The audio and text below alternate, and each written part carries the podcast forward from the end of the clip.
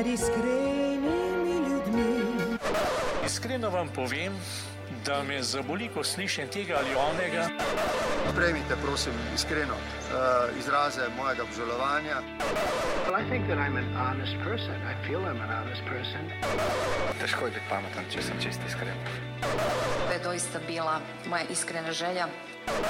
Iskreno hvala vam za vse, kar počnete. Kakšna lepa zgodba, iskrene čestitke.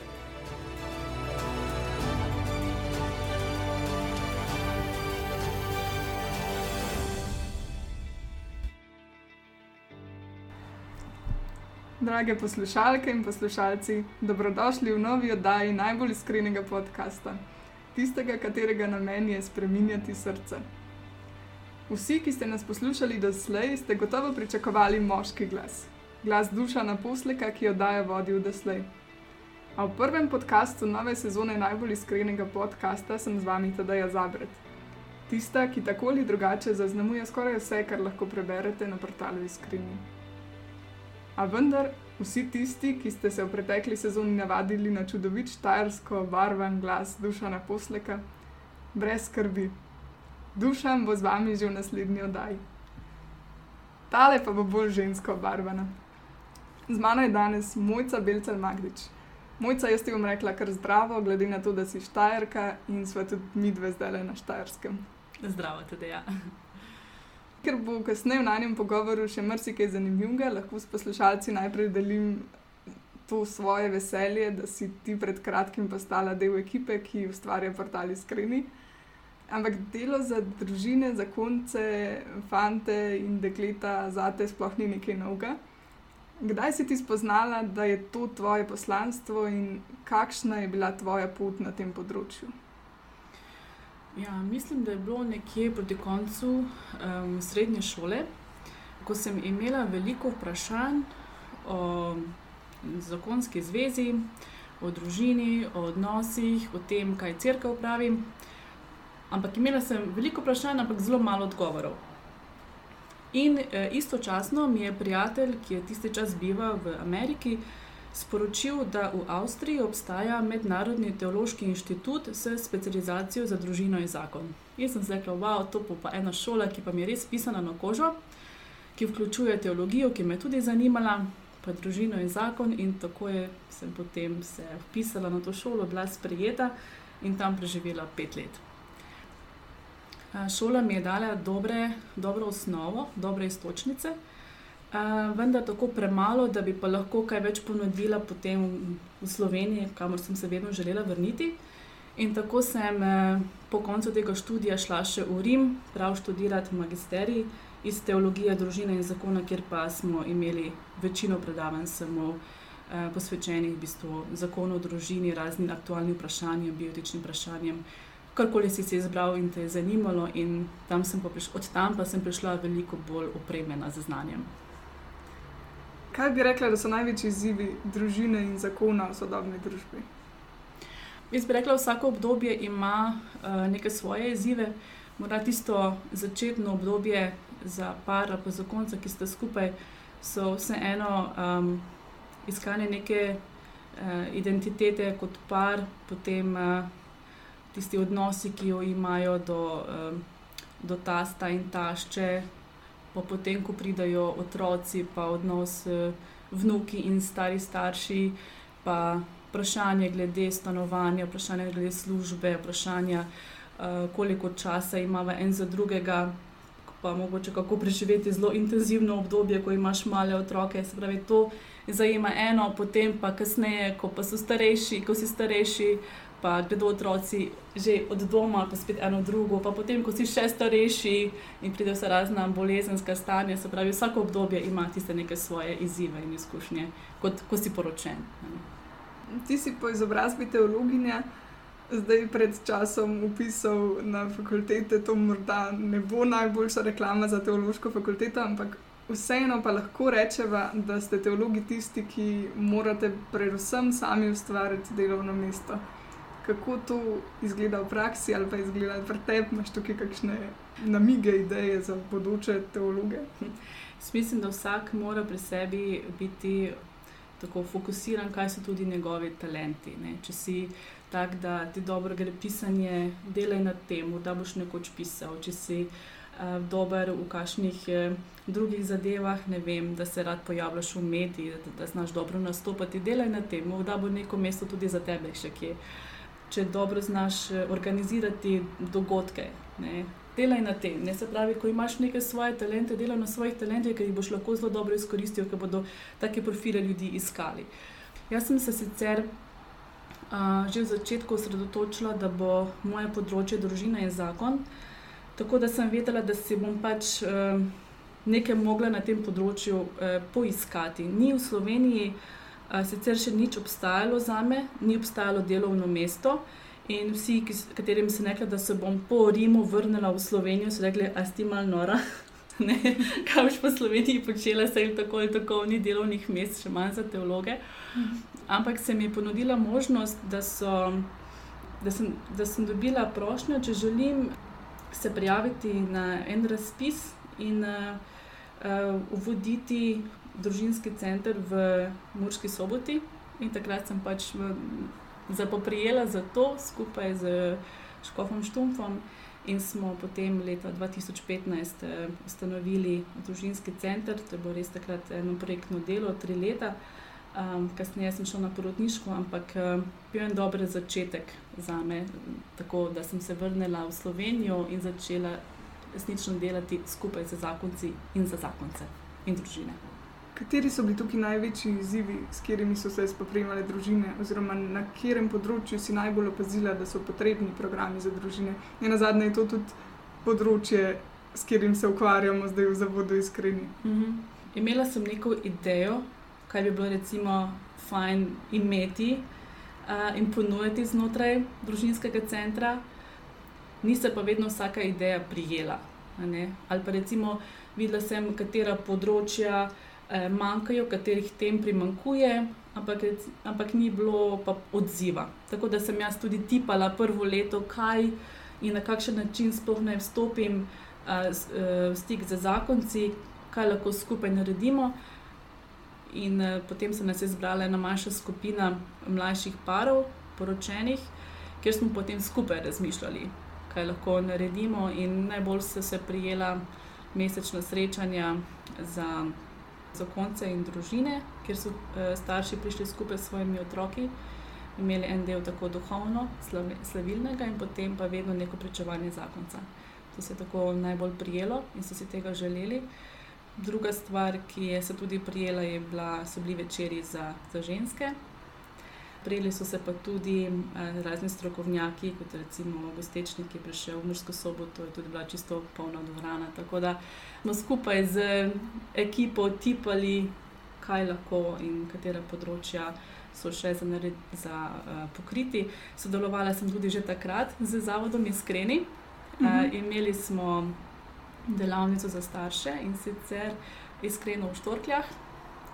Uh, v spolni vzgoji. V spolni vzgoji, ja.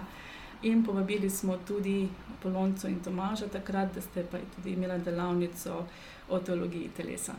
Tako da sem želela sodelovati tudi z drugimi organizacijami, ki že imajo dodelane programe, da potem sama ne bi trebala od začetka vse si sama izmisliti. Tako to je bil nek moj način delovanja, ki pa takrat, če nisem sama imela družine, zdaj recimo bi še lažje prepoznala potrebe, zdaj ko imam sama družino. Ne? V resnici se mi zdi zanimivo prav to dejstvo, da se ljudje zelo dolgo pripravljamo na poklic, ki ga upravljamo za preživljanje samih sebe. Se pravi, zelo dolgo časa hodimo v, v šolo, v, v srednjo šolo, na fakulteto, da se izučimo za nekaj, medtem ko za družinsko življenje, ki pa ponavadi traja še dlje od tega, se pa praktično nikjer ne izobražujemo ali pa ne moremo pridobiti nekih kompetenc, čeprav bi jih v resnici marsikjer par v življenju rabu, da bi mu odnos bolje funkcioniral ali pa da bi lahko vzdržal to. Ta v resnici je zelo pomemben odnos za prihodnost družbe in družine. Kje vidiš ti tukaj potencial za tudi mogoče kaj novega, za okrepiti ta del, na katerega niso mladi nujno pripravljeni, kot bi si želeli, kdaj v prihodnje, recimo takrat, ko potem iščejo. Ko zakon pride v krizo in iščejo pomoč. Veš, kako bom jaz rekla, jaz mogoče nisem najboljša za, to, um, za ta odgovor, ker sem jaz imela toliko dobrih vsebin znotraj mojega študija. Ker jaz, čisto tako v Avstriji, recimo, uh, smo imeli uh, smo imeli študij, hkrati smo imeli enkrat na mesec pričevanje zakoncev, ki so tam živeli, ker smo mi skupaj živeli z zakonskimi pari. Se pravi, družine so prišle, kjer je recimo samo oče študiral. Ne? In smo mi v bistvu, je bilo preplet samskih. Samskih teologov, študentov teologije, z menihi in sestrami, in grko-katoliškimi družinami, ker je bil oče duhovnik, in normalnimi normalnimi družinami, ki je oče študiral, ali pa mama študirala, pa novodi oče, ne, ker je mama za otroke skrbela. Tako da sem že veš, takrat imela zelo, zelo dobrega, sem slišala in koristnega za življenje iz njihovih izkušenj. Veš, potem pa sem še mm, v Rimu, še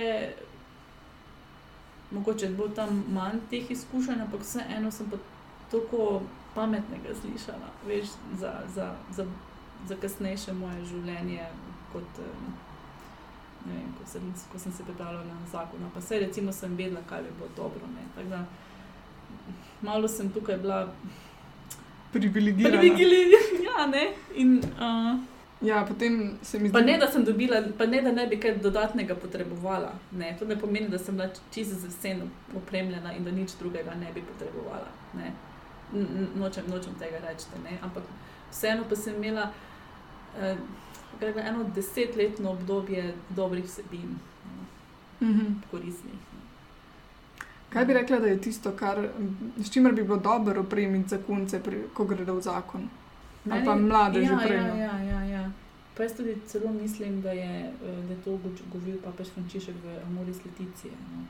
On je govoril pač to um, uh, povezovanje izkušenih in starejših zakoncev skupaj z mladimi, ki se pripravljajo na zakon.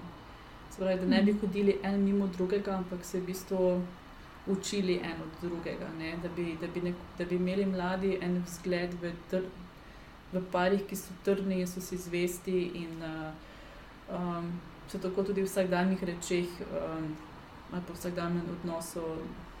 Tako, da se imajo radi, preprosto, da mhm. vidijo, da je to res nekaj mogočega in nekaj lepega. Ne um, to mogoče. Ta se mi zdi, da lahko ogromno vsega prebereš, pa, pa raznih teorij ali pa člankov, ampak na koncu ti pa ostanejo tiste osebne izkušnje.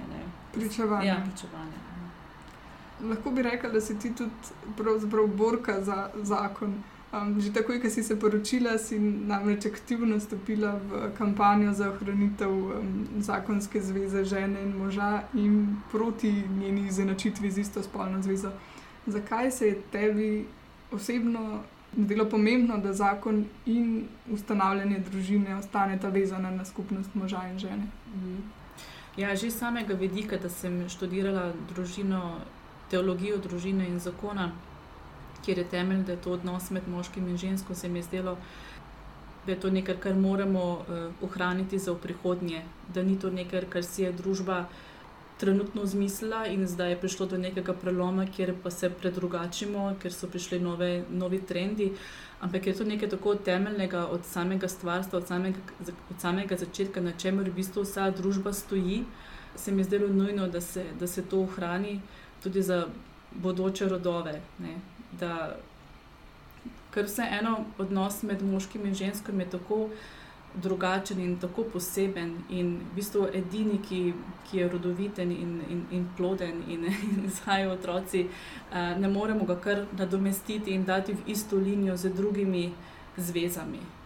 In se mi je zdelo pač v bistvu, da več časa imela v mislih prihodnje rodove ne, in našo odgovornost, da se izjasnimo. In to mi je bilo temeljno, no, da sem spregovorila.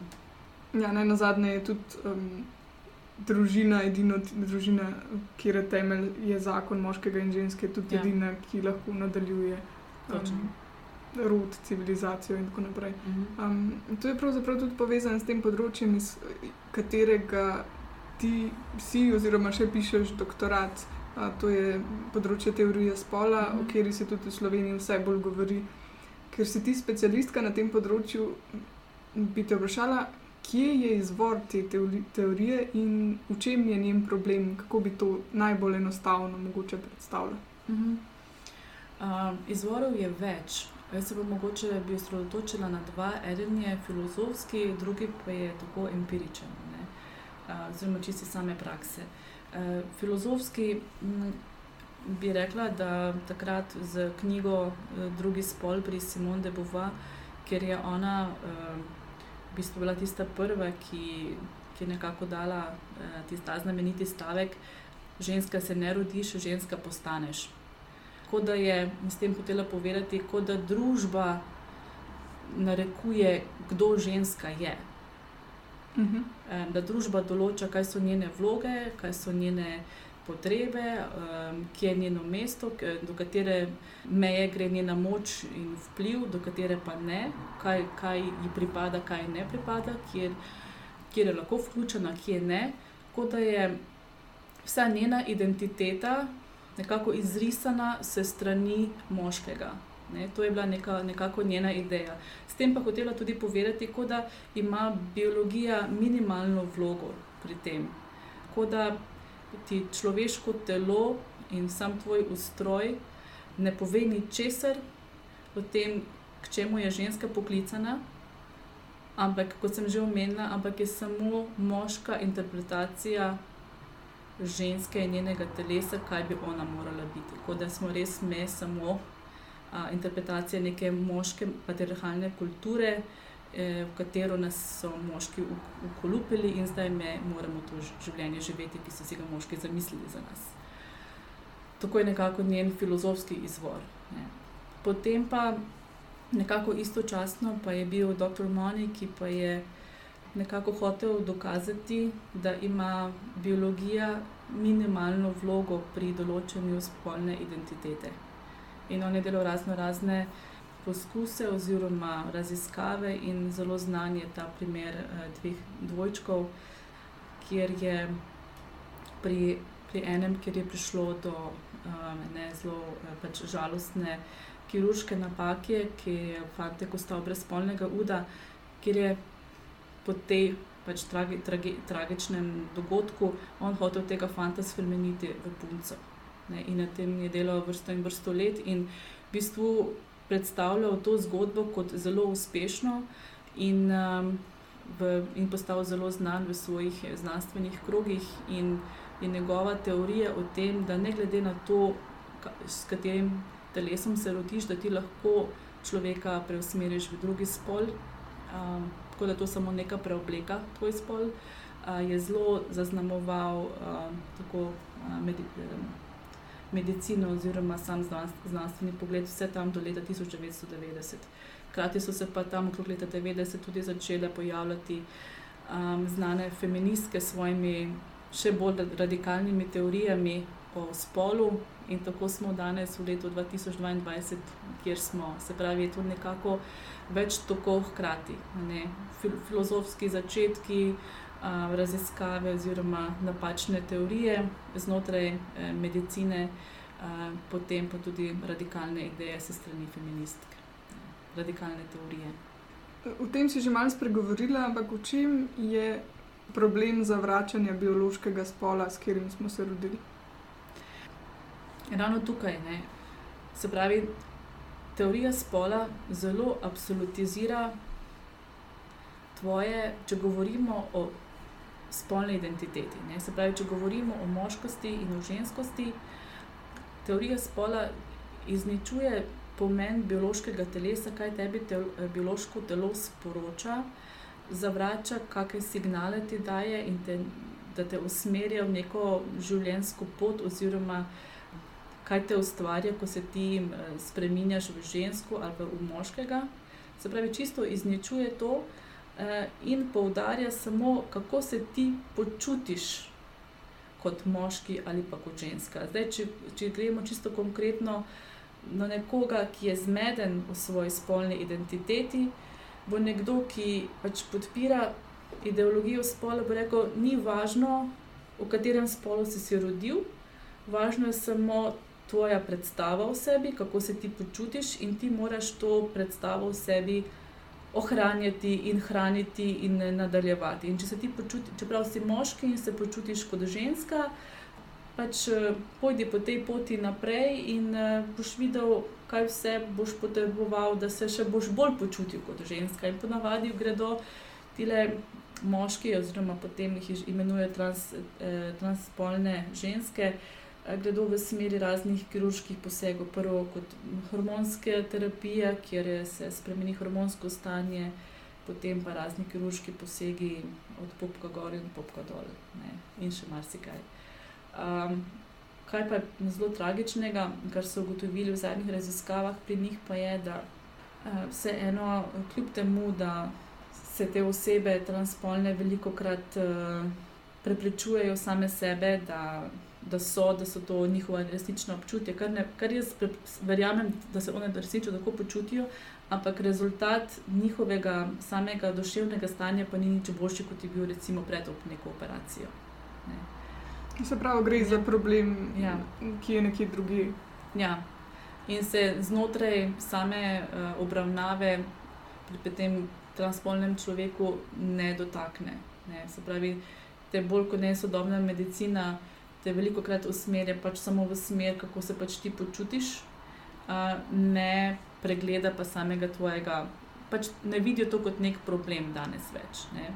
To, da se ti kot moški več ne počutiš kot moški, ampak kot ženska, ne vidijo več kot en problem, ampak pač samo glede na to, kako se ti počutiš, te pač samo spodbujajo v tem, da nadaljuješ v tej, svojim, v tej svoji poti, v tej svojem čustvenem stanju in podobi v sebi ti rada poudarjaš, da zagovarjaš spoštovanje vsakogar, hkrati pa opozarjaš, da gre ta ideologija, ki jo raziskuješ v skrajnosti, ki se če dalje bolj kažejo tudi pri nas, recimo eno od področji, kjer je zelo. Ker je morda najbolj očitno, kaj je z njo narobe, je šport, kjer potem moški tekmujejo v ženski, biološki moški, um, ki spremenjajo spol, tekmujejo v ženski kategoriji in so zaradi bioloških predispozicij tam precej uspešnejši od žensk, ki ne morejo, zaradi drugačne konstitucije, so enostavno poražene. Zdi se, da gre družba s to ideologijo v neke ekstreme, ki v bistvu zatirajo na koncu pravice žensk, čeprav se izvajajo v imenu boja za te pravice večkrat. Ne na zadnje se zdaj s tem zelo spremenja tudi družba sama. Kakšen je tvoj komentar na to dogajanje? Moca? Ni važno, ali smo kristijani ali ne, uh, moramo spoštovati uh, dostojanstvo vsakega človeka, uh, spoštovati drugega kot, uh, kot eno sveto zgodbo, uh, vsemi njegovimi občutji, vsem tem, uh, kar je, tudi če za nas uh, predstavlja mogoče kako bi rekla, problem, oziroma smo, se počutimo nelagodno ob nekom, ki, uh, ki, se drugače, ki se odloči za drugačno življenje. Če smo prej govorili o spremembi spola, če se nekdo tako je odločil in uh, bo poskušal, poskušal živeti v, v drugem spolu, uh, ga ne smemo v ničemer prikrajšati, diskriminirati, uh, poniževati ali karkoli. Ne se pa dogaja, kot si tudi omenila, v športu, in ki jih spet ni tako malo, ne, da, se, um, da se recimo v neki, ekip, v neki ženski ekipi pojavijo transpolne ženske, se pravi moški, ki so si spremenili spol in so potem ali v teku hitrejši, ali v dviganju teži močnejši, ali v plavanju hitrejši. In seveda so potem ženske vedno na drugem, tretjem ali katerem koli mestu, se pravi, zelo težko bodo dobile neko zlato medaljo. In uh, krivično je to do njih, da. Uh, Da, da, tem, da, da tukaj ni več uh, enakovrednosti v športu, uh, um, da nimajo več enakih možnosti. Krivično pa je tudi, da se jih takoj um, utiša, ko hočejo spregovoriti. Ne, se pravi, pravi, prav je, da spregovorijo in rečejo, to pa je um, krivično tekmovanje, ker nimamo enakih dispozicij. ker uh, nimamo enake mišične mase, ker nimamo e, enakega.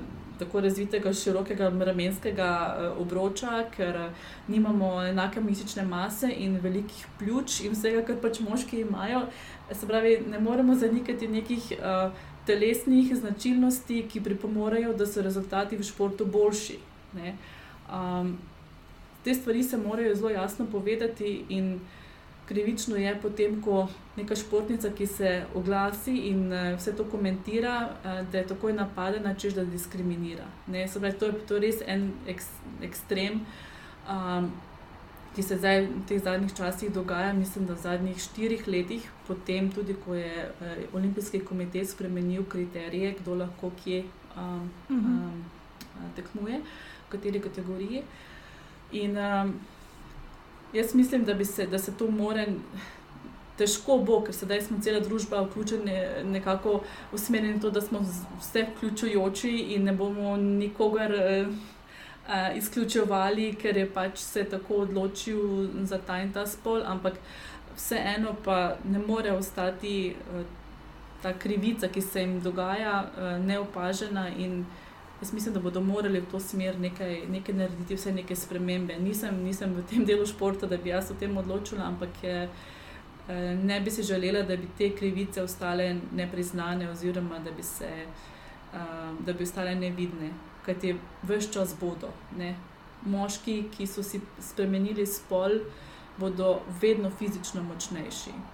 Ja, se strinjam. Ja, ja. Um, se mi zdi, da se nekaj podobnega dogaja tudi na področju vem, vstopanja moških, ki so si spremenili spol na ženska stranišča in tako mm. naprej. Um, se mi pa zdi eno področje, um, kjer je to še zelo prisotno, področje izobraževanja. Um, tudi v Sloveniji um, se tudi že v šolske programe, v filme, risanke, knjige upleta um, ta ideologija spola. Na kaj bi rekla, da morajo biti starši pozorni pri tem? Ja, starši bi rekla, da veliko krat niti ne opazijo. Uh, dokler recimo ne vidijo neke določene knjige doma, ki je za domače branje, in jo odperajo, in potem so presenečeni, kaj mora otrok brati. To mi je povedal en starš pred leti, ki me je klical uh, in je vedel, kako naj nastopa sedaj, oziroma kako naj uh, učiteljici pove, da pa te knjige njegov otrok ne bo bral. Kot si tudi omenila, uh, stopa vsa ta področja.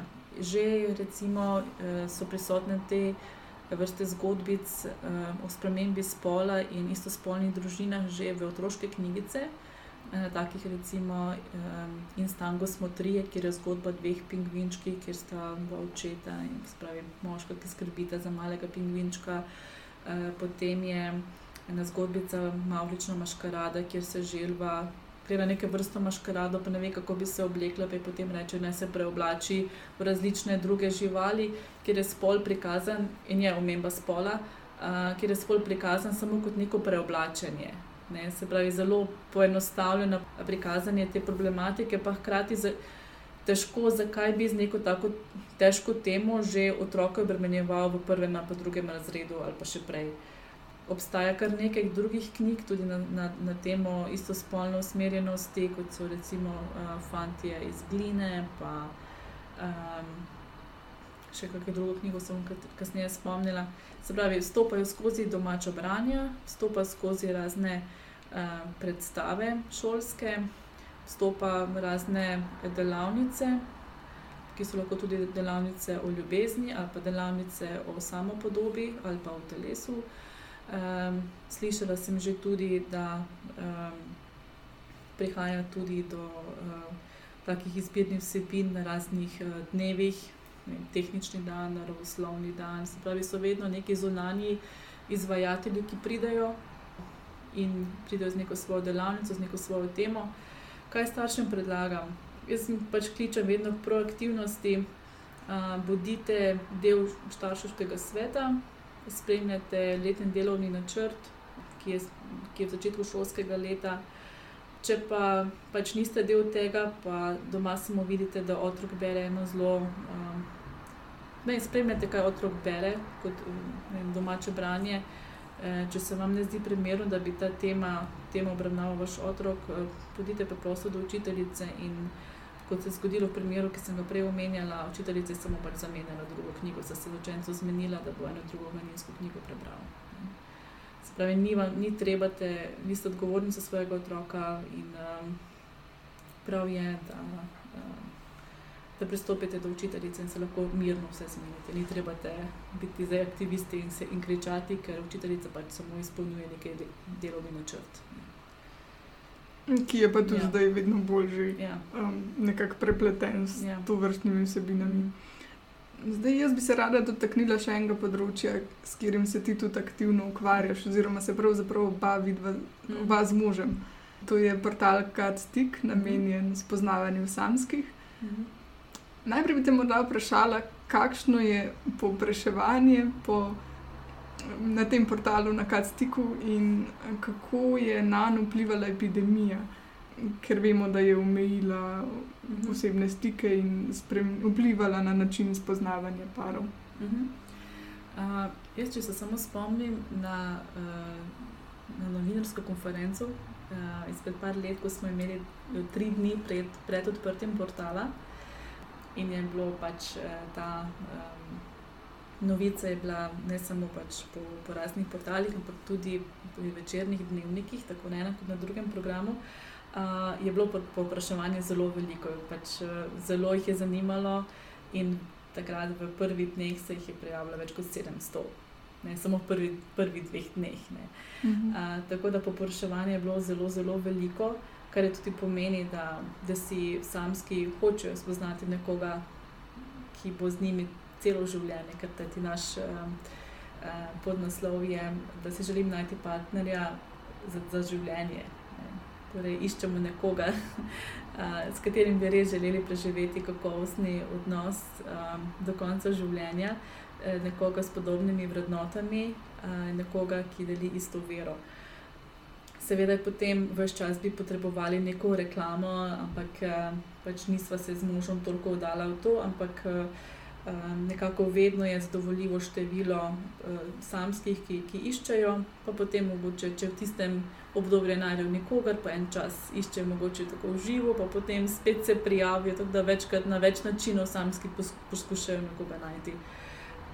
V času epidemije na splošno se je eh, povišalo na portalih iskanje samskih, kajti to je bil nekako edina možnost, da nekoga novega spoznaš. Zdaj, mi dva z možem nisva veliko vlagala v reklamo v tem eh, času epidemije, je pa nekako ostalo konstantno število ja, članov. Um, rekla si, da ne gre za običajne zmenkarije, ampak da ljudje iščejo partnerja s podobnimi vrednotami, da se želijo poročiti, kar se mi zdi res pozitivna novica. Kolikor vem, je kar nekaj parov, ki so se prek stika spoznali, tudi poročili in imajo zdaj družine. A bi lahko delila kakšno zgodbo katerega od teh parov? Vem, da imate tudi nekaj pričevanj, tudi na spletni strani. Ja, so pari, ki so se nam javili sami od sebe, poslali poročno sliko, kako so se, zgodbo, kako so se spoznali, in tudi rekli, da želijo, da je objavljena. Zdaj, um, čisto na splošno, če povzamem vse te pare, ki so se javili, lahko rečem, da so se našli tako pari, se pravi posamezniki, ki so živeli v, skoraj v isti regiji ali pa, mm, iz, ali pa samo par kilometrov stran pa se predtem niso nikoli nikjer srečali, ampak so se sprostali, spoz- spoznali na portalu. So se pa tudi našli posamezniki iz različnih koncev Slovenije, so se poročili tako recimo iz Primorske, nekdo iz Primorske, pa drugi iz Ljubljane, ali nekdo iz Ljubljane, pa je bila ne ve- potem punca iz Prekmurja, ali pa je bil fant Prekmurec, pa si našel punco iz Dolenske. To so taki pari, a, ki, ki so se javili, ki so, um, ki so delili z nami svojo zgodbo. Um, večkrat je šlo tako, da so se da so si prvo pisali, potem so se srečali v živo, potem so hodili na zmenke, enkrat eno regijo, drugič v drugo regijo, in potem je pa sledila poroka. Včasih pošljejo tudi kako sliko od otroka, se pravi, s tistimi, ki smo se pa malo bolj povezali, ki se že malo bolj poznamo, tudi pošljejo sliko svojih otrok. Uh, tako da so lušne zgodbe. Um, prvo zgodbo sem si najbolj zapomnila, je bila ena para, enega para iz eh, Gorenske, eh, ki sta se že, spravi, Katstik se je ustanovil leta 2015 In ena sta se že uh, jeseni zaročila in potem drugo poletje poročila. Tako da sta znotraj, Katnik je že obeležil prvo poroko znotraj enega leta obratovanja. No? Ja, tako da smo tudi bila povabljena na poroko, ampak ravno tisti dan sva imela neko drugo zadevo in nisva mogla, ampak sva bila zelo vesela, da, da so naj tudi vključili med, med goste, no? na list gostov. Ja, ja. Kar nekaj stiske tudi med samskimi. Mm. Ti praviš, da obstajajo različne skupine samskih, da ima vsaka svoje izzive in težave. Ampak vseeno bi nasplošno rekla, imaš kak na svet za vse tiste, ki iščejo partnerja. Jaz imam v mislih mogoče tiste, ki, ki so se nekako že ustalili, mogoče um, nimajo več tako kontakta s širokim krogom ljudi, kot jih imaš, recimo, ko študiraš. Um, in si mogoče vključen še v razno razne druge študentske organizacije ali karkoli pač spada v tisto obdobje, ko si še študent. Uh, ko pa si v službi, se, nekako, se nekako ustališ in uh, imaš vedno manjši krog prijateljev, pa tudi z leti se potem tvoji prijatelji poročijo in tudi nimaš več tako več družbe, s katero bi hodil ven, pa kam na potovanje iz leta. Tako da jaz jim priporočam naj. Um, Naj vseeno ostanejo, kolikor se da, družabni in odprti, ker vem, da čeprav mogoče, če si, če kam greš, pa si, pa si sam, si tako se počutiš malo uh, ranljivega, pa da se moraš izpostaviti, ampak jaz vseeno priporočam, naj ostanejo uh, odprti, uh, družabni, naj iščejo priložnosti, um, ko je kako organizirano srečanje, naj, um, naj tako. Um, poskušajo ne jemati svojo samskost eh, kot, eh, kot problem ali pa eh, se preveč sekirati zaradi tega, kajti um, pomembno je, da oni sami v tem obdobju naredijo čim več zase in, uh, in da ostanejo odprti za drugega. No, um, to je mogoče zelo tako splošno, ampak.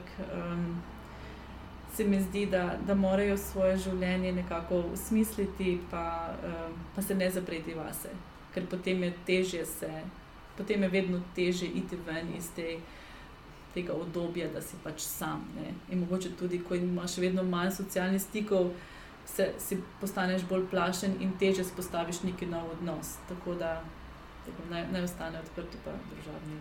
Torej, da je pomembno ostati v odnosih, da bi lahko našel ja. odnos. Ja, dobro si povedala tudi. Ja. Mojca, hvala ti za vse te izrečene besede. Jaz ti želim še naprej veliko uspeha pri tvojem delu za zakonce, fante, dekleta, družine in v tvoji družini. Hvala tudi. Ja. Dragi poslušalci in poslušalke, na koncu vabim vse vas, da nas še naprej spremljate tudi v prihodnje. Vse pretekle oddaje pa lahko najdete pri svojem ponudniku podkastov. Lepo pozdravljeni do naslednjič.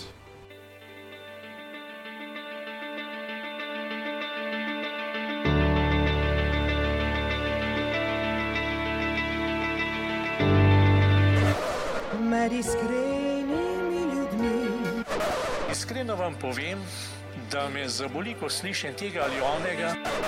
Prejmite, prosim, iskreno uh, izraze mojega obžalovanja. Well, I think that I'm an honest person. I feel I'm an honest person. Težko je biti pameten, če sem čist iskren. To je doista bila moja iskrena želja. Iskreno hvala vam za vse, kar počnete. Kakšna lepa zgodba. Iskrene čestitke